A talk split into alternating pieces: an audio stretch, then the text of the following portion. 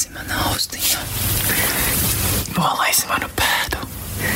Jep, tā nevajag iesākt vakarā, ja nevēlaties, lai tas izvēršas par vienu no vissliktākajām intīmajām pieredzēm. Nu, kāpēc tā? Tā būtu būt arī vislabākā tava nakts dzīvē. Jā, bet šajā audio stāstā es, Daniels, Elizabete. Amanda un Esenija. mēs esam sagatavojuši īpašus stāstus par ļoti neveiklām situācijām mīlas priekos. Nu jā, mm, katram no mums ir noteikti savu vācelīti ar intīmu, neveiklu gultas dzīvi. Ļoti ceru, ka tā ir, jo citādāk, ko tu vispār dari ar savu dzīvi. Un jā, šodien mēs padalīsimies ar diviem piemēriem, kur jā, cilvēki mums apkārt iebrauc auzās ar šādām situācijām. Un, Jā, tā tad, um, godīgi sakot, es necerēju, ka mums būs daudz materiāla, ar ko strādāt, jo tomēr tie stāsti ir Intīmi. intīmi un tādi, ar ko negribās dalīties sabiedrībā. Bet tad, kad mēs saviem respondentiem atklājām, ka tas viss paliks starp mums un patiesie vārdi, un varbūt vēl daži fakti tika samainīti, lai nevarētu saprast, kuram tas bija. Tādi jau cilvēki atvērās, un atvērās tā, ka mēs paši bijām uz pauzes par to, kādi stāsti un cik daudz stāsti pie mums atnāca. Jā, jo godīgi sakot, arī Latvijā tāda kultūra īsti nav pieņemama. Tāpēc mm. mēs gāzīsim šos priekšstatus un uh, runāsim arī ar ekspertu, kurš skaidros varbūt mazliet nopietnāk par šo situāciju un kāpēc tas tā notiek. Tāpēc varbūt Amanda izstāsta mums pirmo stāstu. Jā, mūsu pirmais stāsts sākas ar puisi Mārtiņu, kurš atbrauc no Vācijas. Un viņš atbrauc pie meitenes, kur viņam ļoti patīk, pie Martas. Un viņš uzaicina viņu pie sevis un saviem, uz, uh, un saviem draugiem uz uh, Airbnb dzīvoklīti, kur visi tusē, iedzer. Un uh, beigās notiek tā, ka sazina, kur, kurš pazūd, un uh, viņi paliek divatā. Nu, protams, mēs zinām, pie kā noved tas, ka divi iedzēruši cilvēki paliek divatā. Sākas um, skūpstīšanās, un kas noved pie sekojošā, ka sākas kaislīgs un nežēlīgs seks.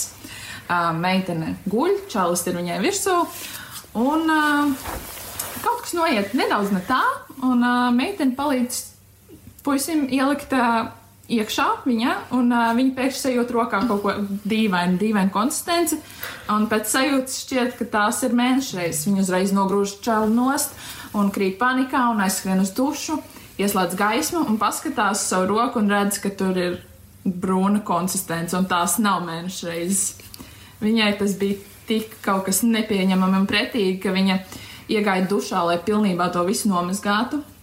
Iznākot ārā, šis čalis uzreiz pielicis kājās un arī aizgāja uz vannas istabu un iegāja dušā. Uh, tad Marta uzreiz pārbauda, vai palika ir tīra, vai tur kaut kas ir palicis. Varbūt tā bija viņa, un viņa nepamanīja, kas notika, bet palika bija tīri. Uh, tad viņa abi aizgāja gulēt, pamodās nākamajā rītā un taisījās braukt uz mājām. Tā jau viss bija labi, bet tad radās jautājums, kāpēc mēs abi naktī gājām dušā? To tas Džeks jautāja. Ja? Jā, Ārprāts. Es Sāka viņš nesaprata. viņš nesaprata, meitene. Varbūt, bet varbūt viņš, varbūt viņš bija ļoti labs aktieris. Un, jā, mēs šo te. Man, man piemēram, tā kā rodas jautājums par to, vispār, kāpēc nu, cilvēki izvēlās tā kā. Kā, kā, nē, nu, arī tas, kāpēc izvēlas nopasē, bet kāpēc uh, ir cilvēki, kas dod priekšroku tādam saucamajam vanilas seksu, un kāpēc citi izvēlās kaut ko nu, tādu nežēlīgāku, kas, kas ir tas, tas uh, kā tā bāze, uz ko, tā, uz ko tas veidojās. Es domāju, ka šie būtu ļoti labi divi jautājumi mūsu speciālistam. Jā. Nu, Es domāju, ka šeit jau jautājums par to vispār, ko mēs cilvēki izvēlamies, vai ne? Kādreiz mēs izvēlamies, kādam patīk tāds mierīgāks dzīvesveids, citam patīk tāds ekstrēmāks, citam patīk sevi izaicināt. Um, tur, protams, var būt dažādi iemesli. Ja, ja, ja abi šie cilvēki brīvprātīgi, labprātīgi iz, izvēlās šāda veida intimitāti, tad. Um, tad nu, visticamāk viņiem abiem patīk tas. Viņi atraduši partneri, kurš, kurš izbauda to pašu, ko, kas man patīk, un nu, tad viņi iet un dara visas tās lietas, kas viņiem patīk.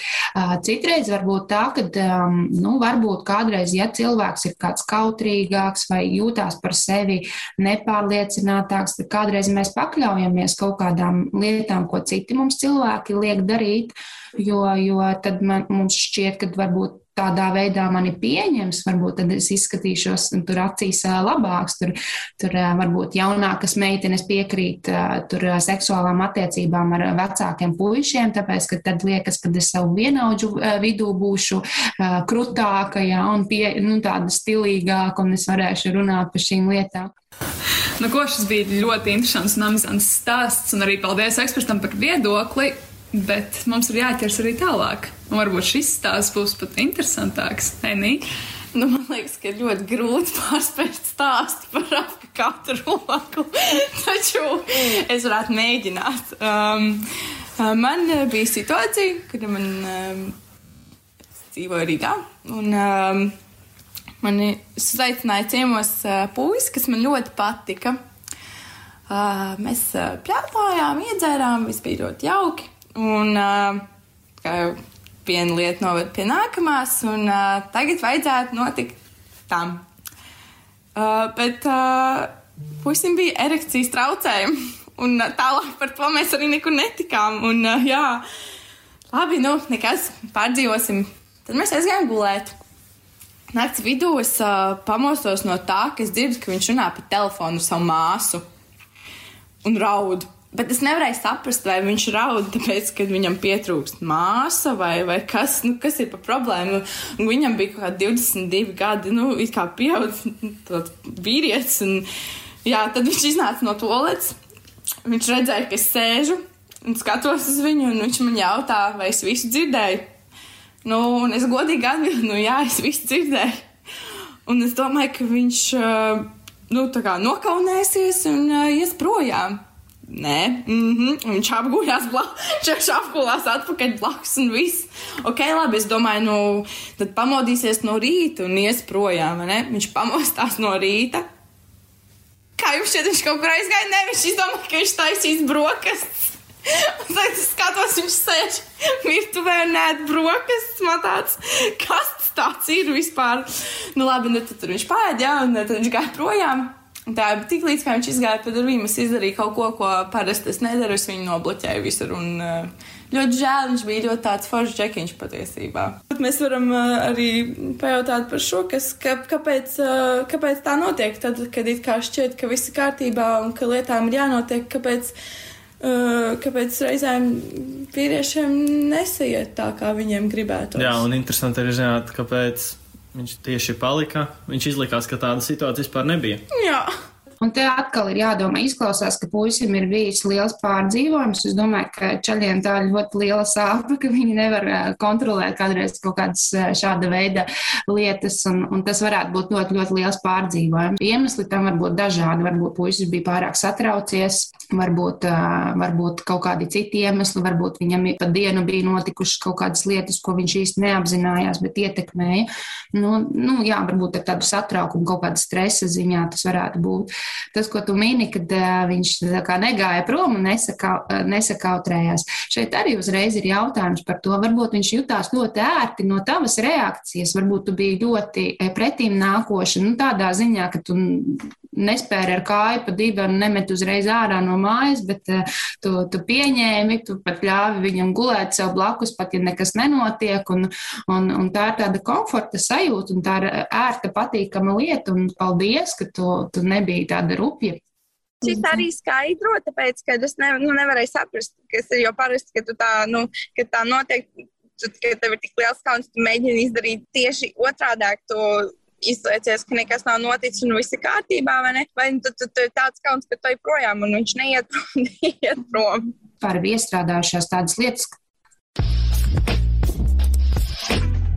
Liels paldies ekspertām par šo viedokli.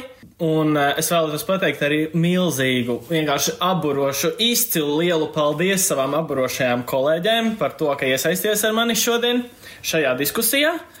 Un es ceru, ka jums klausītāji patika, un mēs vēl varēsim ar jums tikties arī nākamajās. Jā, un šādas nots mēs arī pabeigsim šo vakaru. Paldies! Visu labu!